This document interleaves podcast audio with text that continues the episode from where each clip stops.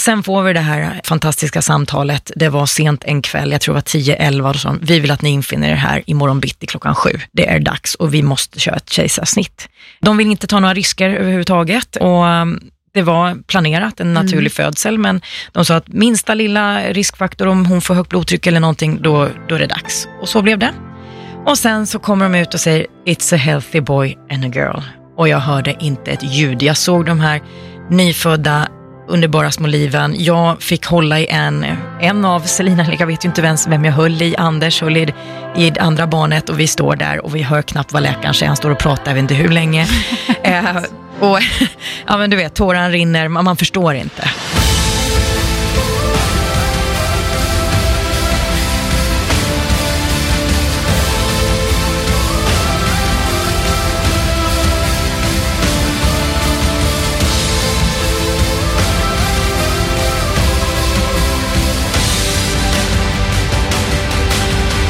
Hej och välkommen tillbaka till Livsstilspodden. Jag heter My Martens. Och jag heter Sabina Dufberg. Hörni, vi vill börja med att tacka för att det är så många som engagerar sig och lyssnar på oss. Vi är otroligt glada och stolta över det.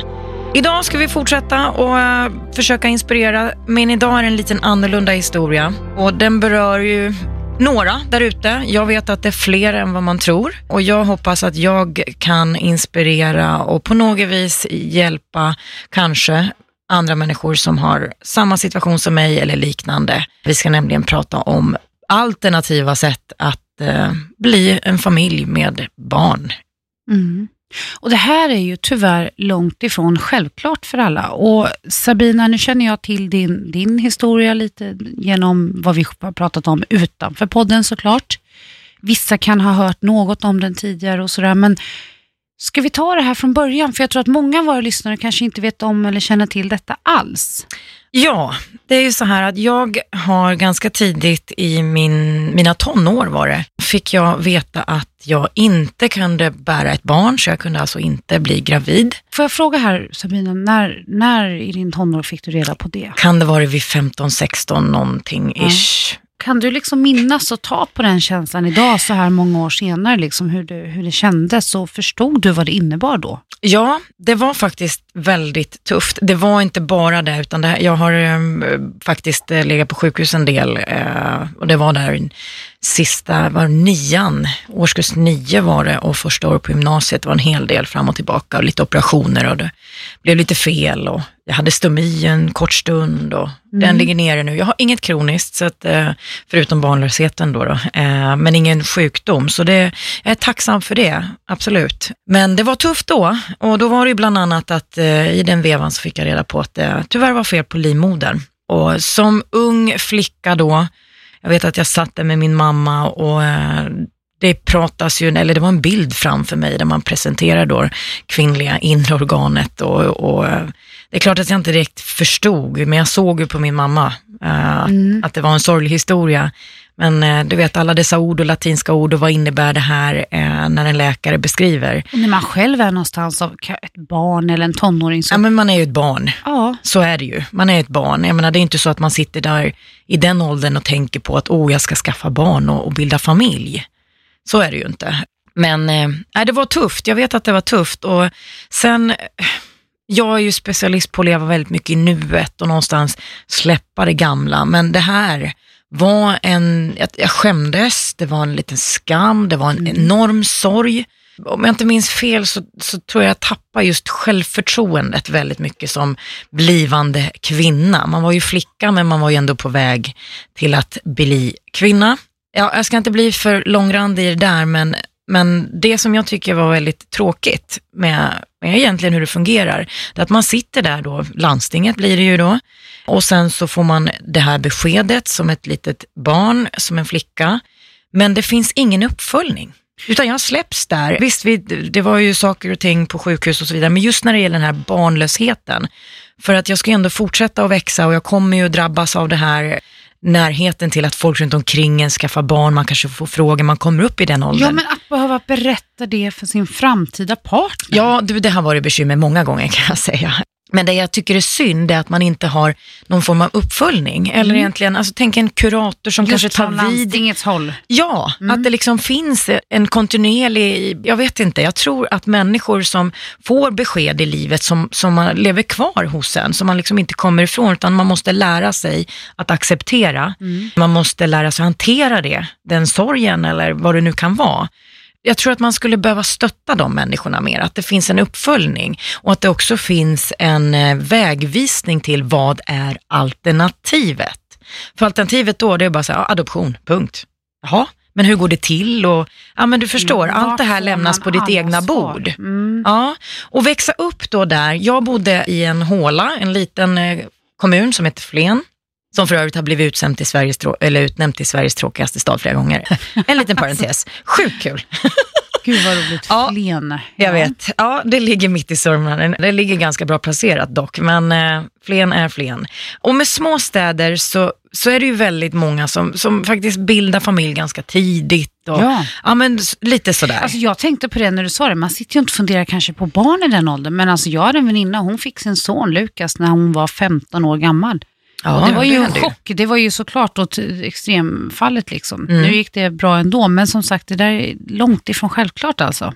Men det, mitt sätt då, jag slöt mig. Nummer ett, jag pratade inte med någon. Nummer två, jag skämdes, jag tyckte det var fruktansvärt. Mina partners under åren som man träffade, ja det var ju sjukt jobbigt att behöva prata om en sån här sak såklart. Jag hade Ja. ju mitt, i mitt huvud, kommer jag duga och är man tillräckligt kvinnlig och ja men du vet allt det där. Mm.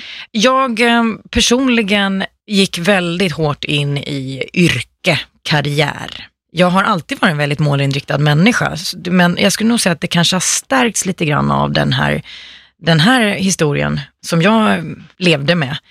Det var ju att man måste ju bli någonting.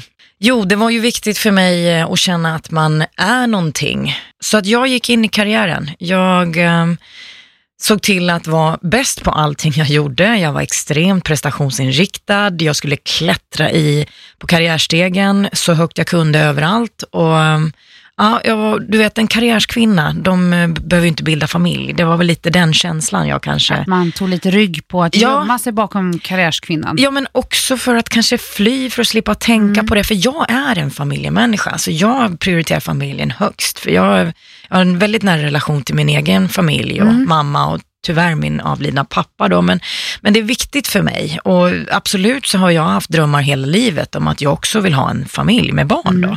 Men eh, nu var det ju som det var. Och visst, jag hade väl kunnat gjort någon fuling där och snärjt någon snubbe och gift mig tidigt och du vet, nu ska det adopteras och allt det här. För, men jag tyckte att det ska vara av kärlek, du vet, familj, kärnfamiljen och allt det här. Jag vill ju, jag vill ju dela lycka med någon. Så att eh, jag körde stenhårt på karriär, jag klättrade, flyttade såklart från Håland, Flen. Hur gammal var du när du lämnade Flen? Oj, du, eh, ganska tidigt så drog jag direkt till min, eh, min skolstad som var Katrineholm, lite större, inte, Där har jag ju själv bott. ja, inte fullt så stort, men i alla fall. Ja. Och där var jag visserligen i ganska många år på min första arbetsplats då. Mm. Men eh, sedan så var, ja vad kan det vara? Gud, du ser ju. Mm, Vi ser. Jag har redan passerat alla dessa år för länge sedan, men, men ja, kan vara det 24, Ja, 25, ja, någonstans sånt. Hur som helst i alla fall så, så är det klart, Stockholm, ännu mera jobb och karriär, utbildar mig stenhårt hela tiden, pluggar, läser, kurser, kurser på högskolan, eh, studerar vidare och så vidare. Så att, ja, nej, det, det var det som, som var min flykt i det hela. Försöka för det första, ja, få ett annat fokus, så jag slapp tänka på det. Men längtan fanns där, så var det ju, definitivt. Ja, och just den här ovissheten, för det är ju inte lätt att veta.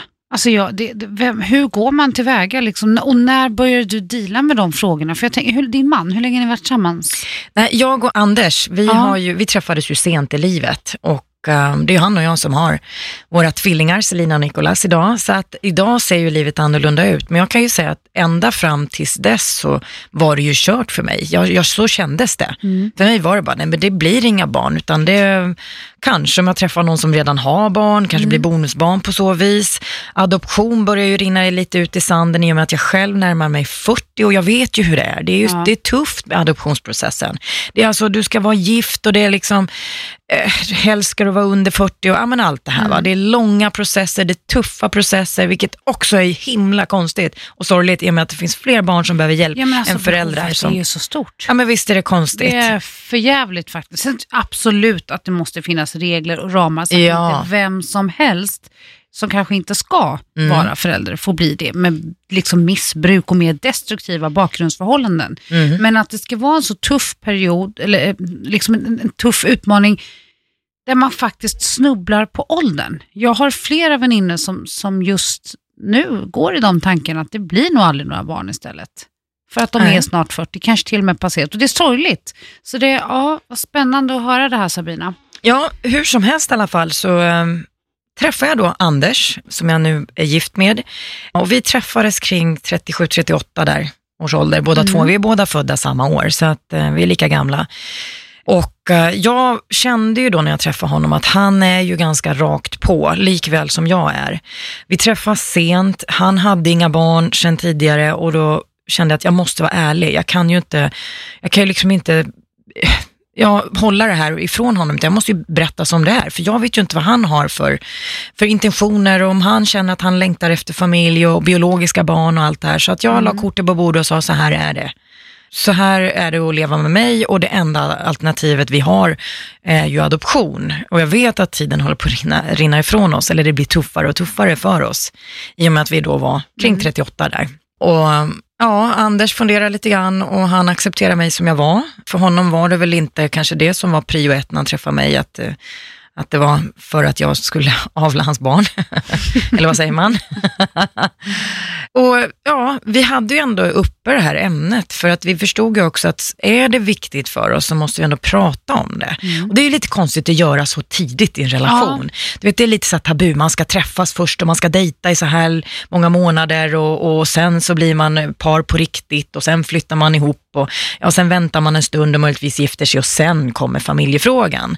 Men vi hade ju inte den eh, lyxen och den tiden om vi överhuvudtaget skulle ha en chans. Så att vi, Är det så många tror du som verkligen går den där riktiga vägen? Nej. Alltså ärligt talat. kanske inte. Eh, är det rätt Fast så är det det är rätt. kanske en drömvision att det ska vara den där perfekta ordningen. Ja, och sen tror jag också ju yngre du är så kanske det är så. Ja. För jag menar, vi har ju båda levt ett liv, vi har båda haft relationer bakom oss, vi har verkligen fått utveckla oss som personer. Och jag tror det positiva med att träffas sent i livet, det är ju att man är ju lite mer säker på sig själv. Ja. Vad man vill ha och vad man inte vill ha. Ja, liksom. Lite man har väl där- gjort sina tabbar va? Med, med, med både relationer och allt vad det är. Så, att, gud. så, så jag tror att liksom, det kanske inte är så mycket att fundera på. Sen är ju hur man är som Sen person. är det ju såklart ett känsligt ämne. Jag menar, jag när jag träffar Jonas nu, han är 42 har inga barn. Mm. Då måste jag börja deala med den frågan. Vill han ha? Och det, alltså det, hur ställer man sig till det? det? Jag förstår att ni pratar om det. Det är inget Ja. konstigt alls. Nej, jag kände ändå att jag var tvungen att vara ärlig med det. Kände du någon gång att du var rädd inför att du skulle berätta för Anders just att han kanske till och med skulle kunna alltså, lämna dig? Ja, det, den här känslan har jag egentligen haft alltid.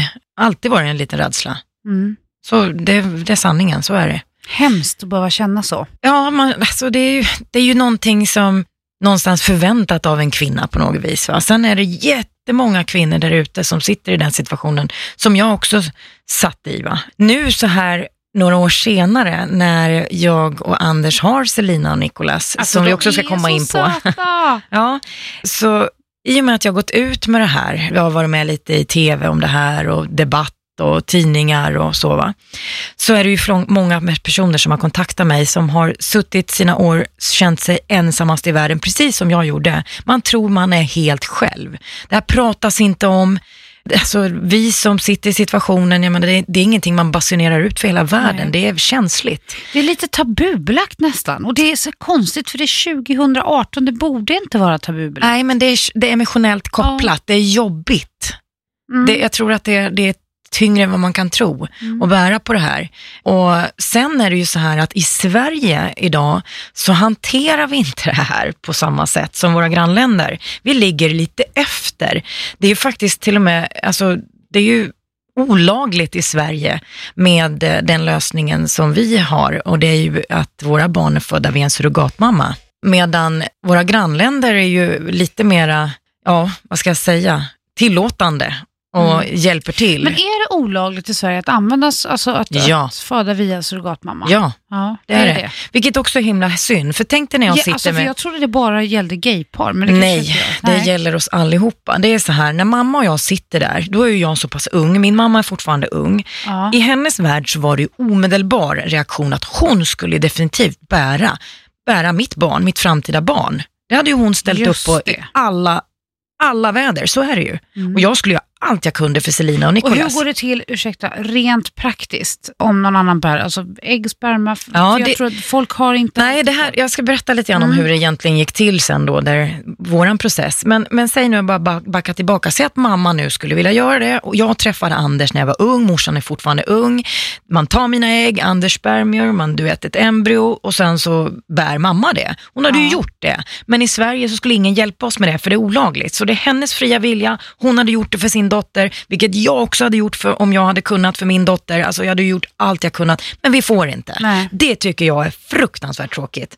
Men vi diskuterar i Sverige idag, eventuellt, det är fortfarande inte, jag menar det är ju lagändring, om vi ska tillåta den här typen av surrogatmödraskap där du inte betalar eh, någon Men för den det är tjänsten. också en sak, det kostar ju multum. Ja, men nu pratar man om att, att, att, att säga att du skulle vara min syster eller vän som Ja. du frivilligt vill bära mitt och Anders Ja. barn. Eh, det är att jag får inte betala dig för att du ska göra den tjänsten. Det är det vi diskuterar, altruistiskt sur, surrogatmödraskap Mm. i Sverige. Men det är inte där än. Om vi kommer hamna där vet jag inte.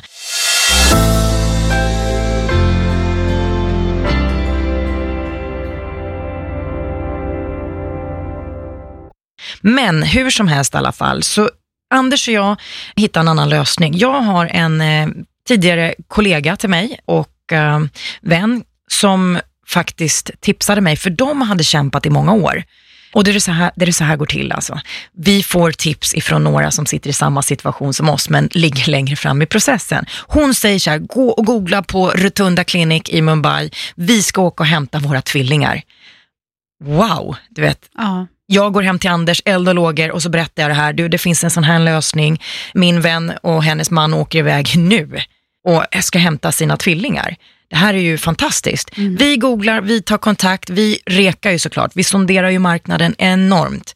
Det finns ett mörkertal, det finns väldigt många kliniker runt om i världen som, som jag tror kanske inte är betrodda, som håller på med fullspel. Så är det ju alltid med allting. Tyvärr, Likadant med organdonation och så vidare. Va? Men de här hade en väldigt bra renommé. Det finns två stycken i Indien som eh, har flera år på sig. Och den här kliniken fick vi referenser på. Vi tar kontakt med dem och sen sätter processen igång. Det är en tuff process, det är en lång process, det är en kostsam process. Och du får absolut ingen hjälp från Sverige på något vis, utan det, det är dina egna pengar, det är din egen tid, försöka hitta lite kryphål, kontakter, pannben, slåss, var inte konflikträdd, utan slåss för din sak så tar du hela vägen förhoppningsvis. Vi hade tur, första försöket lyckades och ja, allting har gått väldigt bra. Hur lång tid tog processen för er från det att ni, liksom, för, inte för, i tankarna, för det har ju förstås Mm. hållit på längre, men från det att ni bestämde er för den här kliniken och liksom satte bollen i rullning? Det, vi var snabba. Det har ju med att göra att eh, min man Anders, han är som en pitbull. Han lyfter luren, han mejlar sönder folk tills han får som han vill. Och det måste man vara. Men han är van. Det, det positiva här för oss då, det är att Anders har jobbat och bott eh, utomlands. Han är väldigt bra på engelska. Han är, det. han är van med andra kulturer och eh, hur det går till där. Eh, och det har vi haft nytta av. Men hur som helst, så vi, eh, ja ett och ett halvt år till att de var hemma och föddes, max inte ens det. Jag tror att det ju gick, det gick snabbt. snabb process. Ja, det gick, mycket, det gick till och med snabbare än så. Hur som helst, det är mycket pappersarbete. Det är, eh, man måste ju först och främst bli godkänd i Indien av kliniken. Vi måste vara gifta, vi måste ja, bevisa att det finns något fel på mig, så mina journaler var jag tvungen att skicka efter. Vår ekonomiska ja, rapport egentligen, hur, hur, vi, hur vi har det ekonomiskt, att vi har råd, att vi är friska, HIV-prover, spermaprover. Det är alla möjliga grejer som måste skickas ner. Det är dokument efter dokument och det ska vara stämplar och så vidare. Och där gäller det att känna någon, för vem, vilken svensk läkare kommer skicka oss på alla dessa prover? Ja, och sen är det ju lyfta luren tills du får en person i, ja, bland de svenska myndigheterna som, som egentligen är lite positivt inställd, för det här är ingen fråga som hanteras. Nej, det är ju, nej precis. Nej. Så så är det. Sen åker man ner. Vi åkte ner. Vi träffar surrogatkvinnan, surrogatmamman och hennes man. Regeln i det här fallet är att hon måste vara gift själv. Hon måste ha egna barn. Hon får max göra två stycken surrogatmödrar födslar i hela sitt liv. Hon får aldrig donera sina egna ägg. Och det är det här som jag har upplevt att det är många som missar. Att man tror att, att det är hennes biologi så. Om jag hade Ja, och jag hade kunnat valt att ta mina ägg och sen är det hon då som bär barnet. Hur som helst, vi åker ner, vi, gör, vi, träffar familjen, vi skriver avtal, vi får åka hem, vi får ansöka om medicinskt visum och eh, vänta på besked och sen är det ner igen. Och i det här fallet så valde jag då att anlita en äggdonator. Jag var ju närmare 38, jag har haft hela livet på mig och eh, accepterat att det blir inga biologiska barn. Det här var ju högsta vinsten för mig ändå.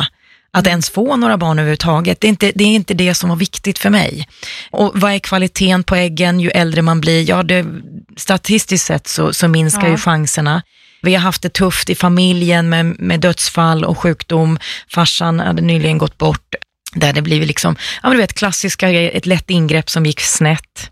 Eh, ja, sådana saker. Va? Och, och då kände jag, ska jag åka ner till Indien, det blir starka hormonbehandlingar och det ska plockas ut ägg och allt det här. Och det kostar ju pengar att vara borta från företagandet och allt det här. Och ska jag sen öppna upp det här såret och, och återigen hoppas på biologiska barn. Jag har ju ändå kommit förbi det och känner att nej, det är inte viktigt för mig.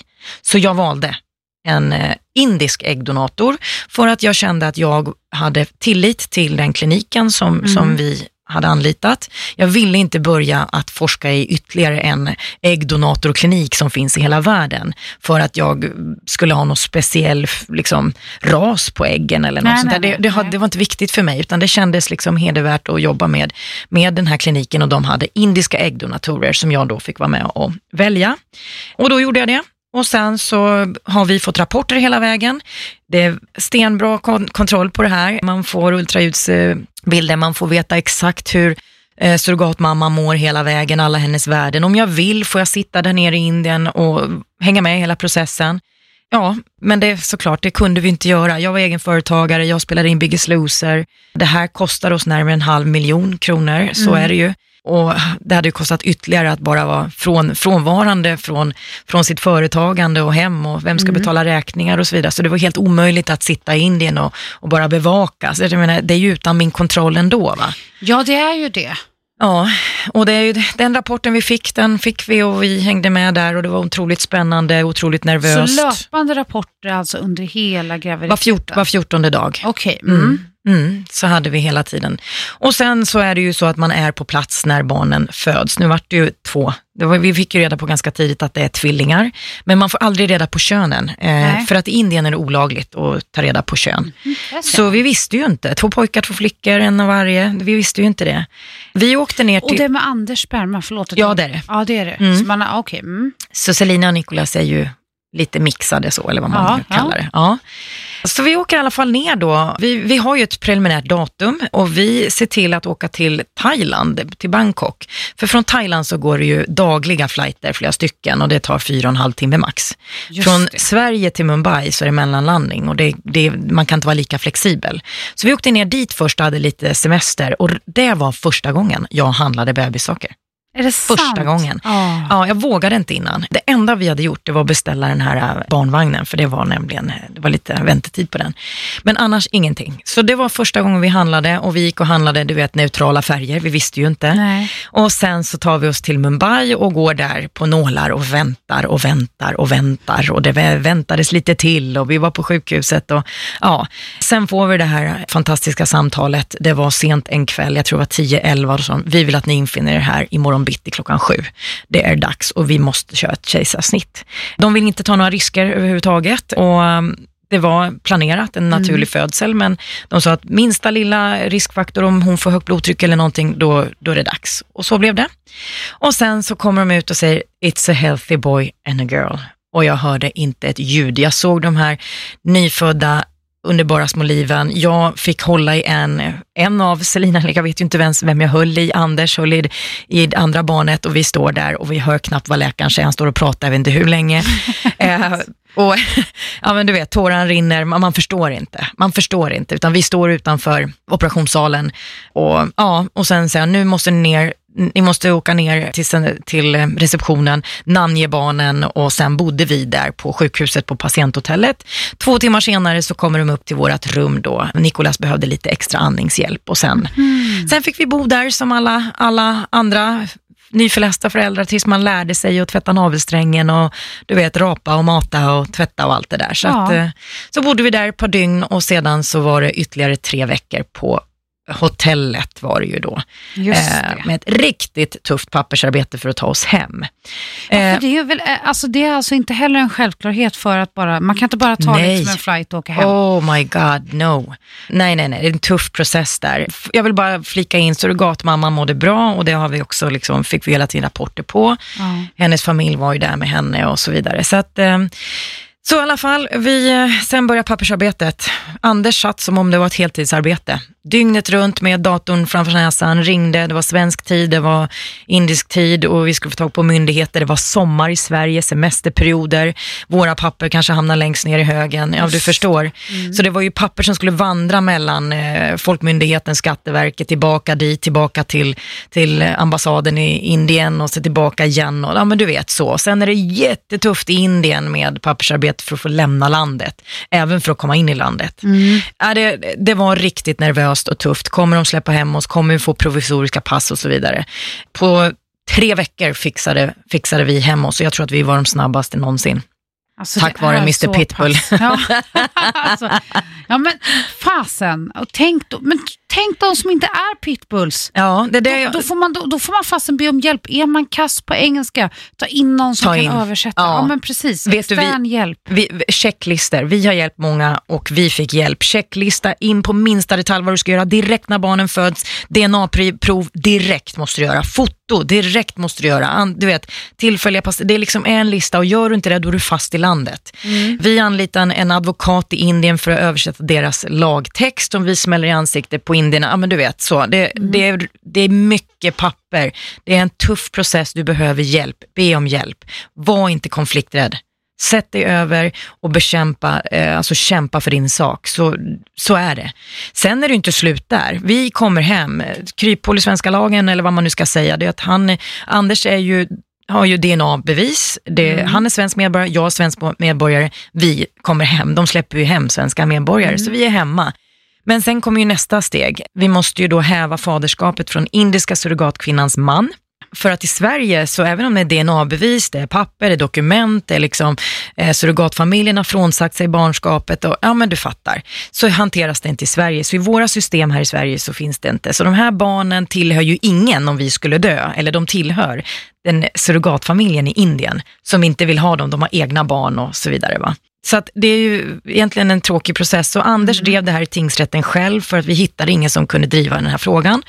Och barn födda i juli, vi var hemma i augusti, någon gång i november var Anders klar och då blev han pappa på riktigt. Och jag menar föräldrapenning och allt det här, ja du fattar, det är klart att vi inte har något sånt. Nej. Så det är ju tuffa processer där, det är ju bara att jobba. Jag vet att jag var på inspelning på Biggest Loser när barnen var två månader. De var med någon gång och, ja men du vet, det var ett pyssel. Sen när, pappa, när Anders är klar med sina papper, då får ju han ansöka om föräldrapenning och, och sådana här saker. Och barnens sista fyra siffror saknades ju också, så vi fick ju inte ja, ens komma precis. på BVC och ja men du vet sånt. Så då börjar min adoptionsprocess. Oavsett om det hade varit mina ägg eller inte så är det så här det går till. Då är det mammans tur sedan att, att ansöka om adoption.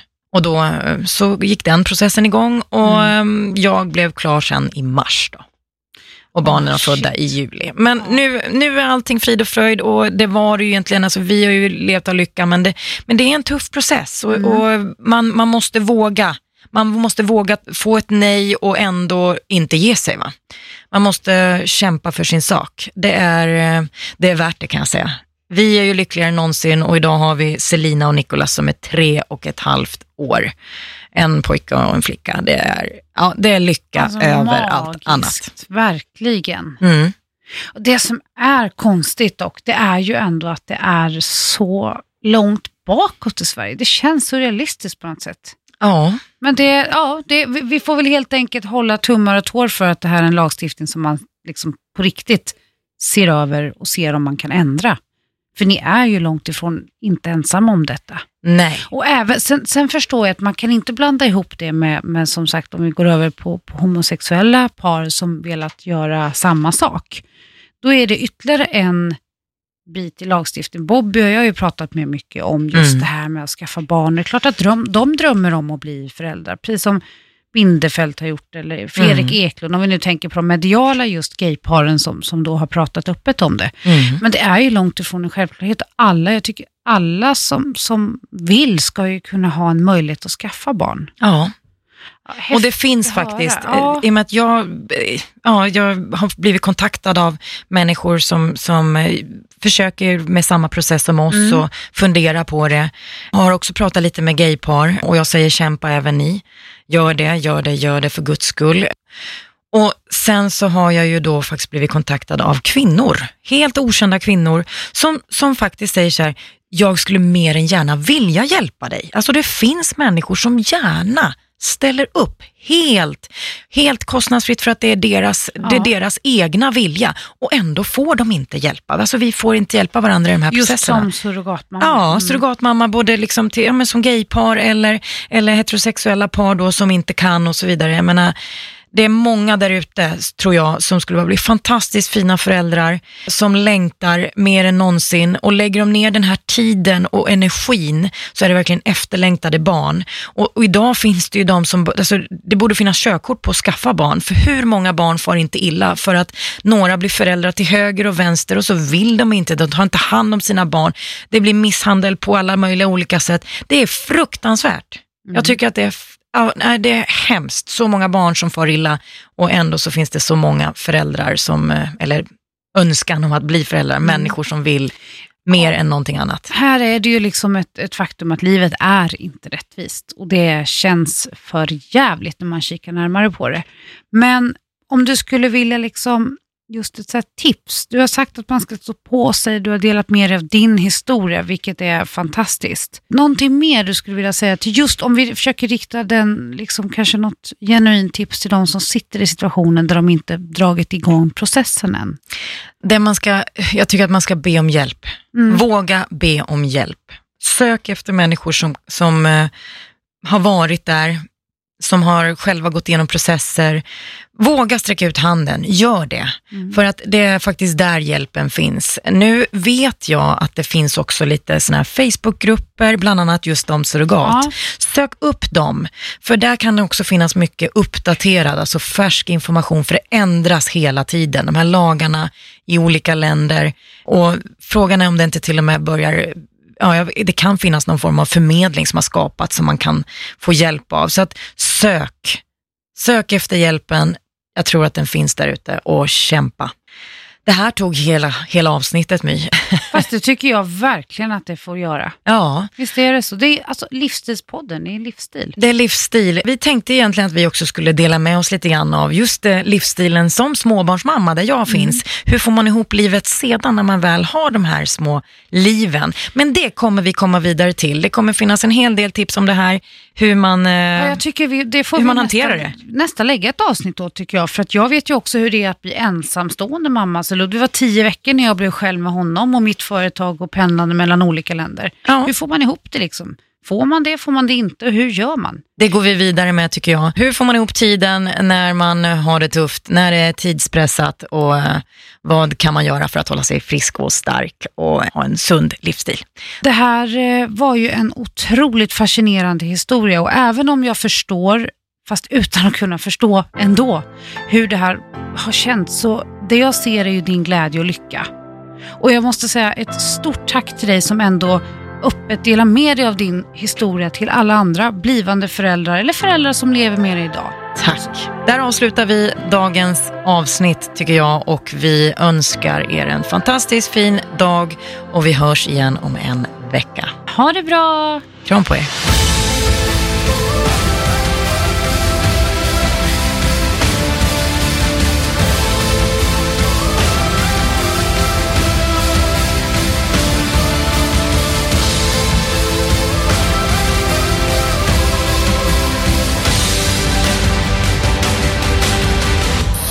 Produceras av I Like Radio. I like radio.